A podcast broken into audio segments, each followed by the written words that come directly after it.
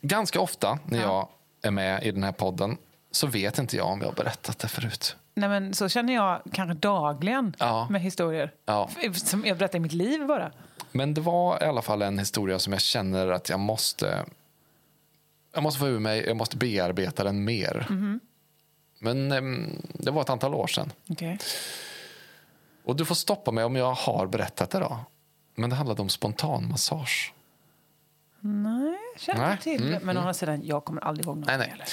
Em, Ehm, ni får spola över ni som lyssnar. Men jag måste bearbeta lite. Jag vet. För jag passerar nämligen platsen där det hände varje dag som jag lämnar på förskolan. Mhm. Och jag kan inte sluta tänka på det.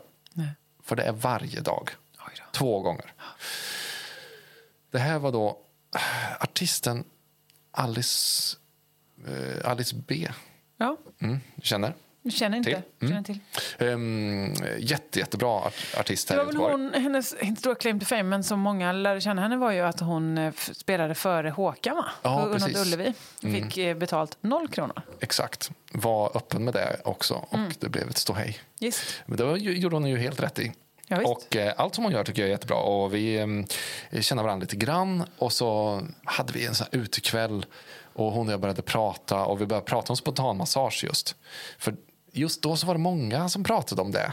Alltså det var Jag många som förstår hade något ingenting. emot det. Vad handlar alltså spontan- spontanmassage är ju då... Att jag går fram eh, till dig och börjar massera dig. Ja, exakt. Människor man känner. Ja, kollegor. Ja, okej.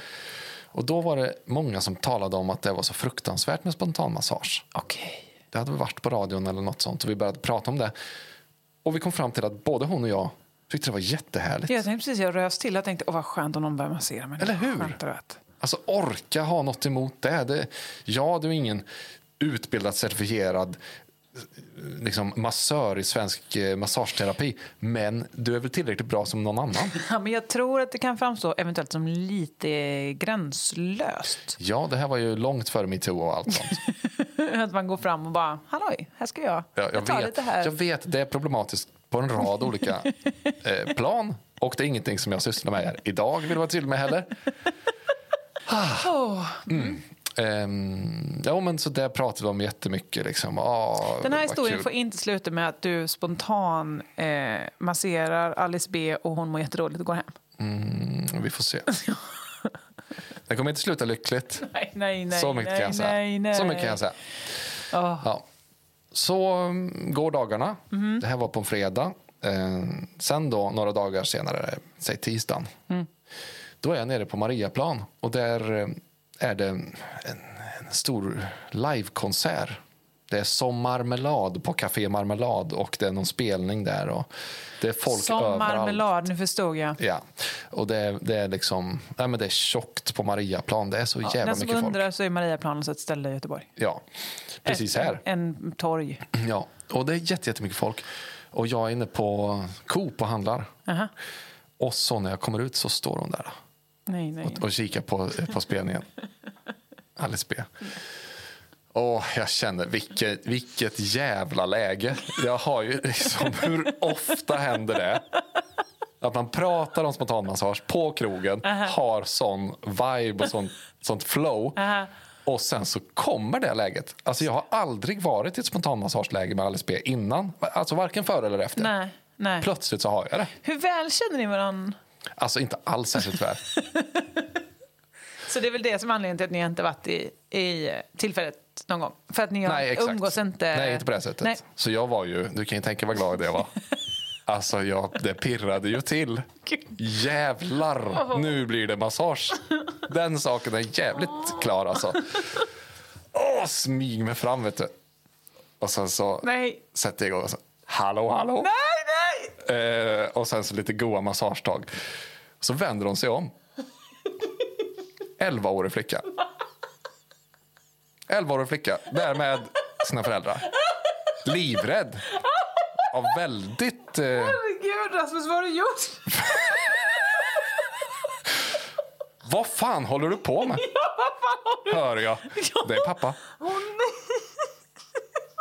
Alltså, Alltså, vad fan? Ja, vad fan håller jag på med? Vad fan gör... Nej, nej, nej!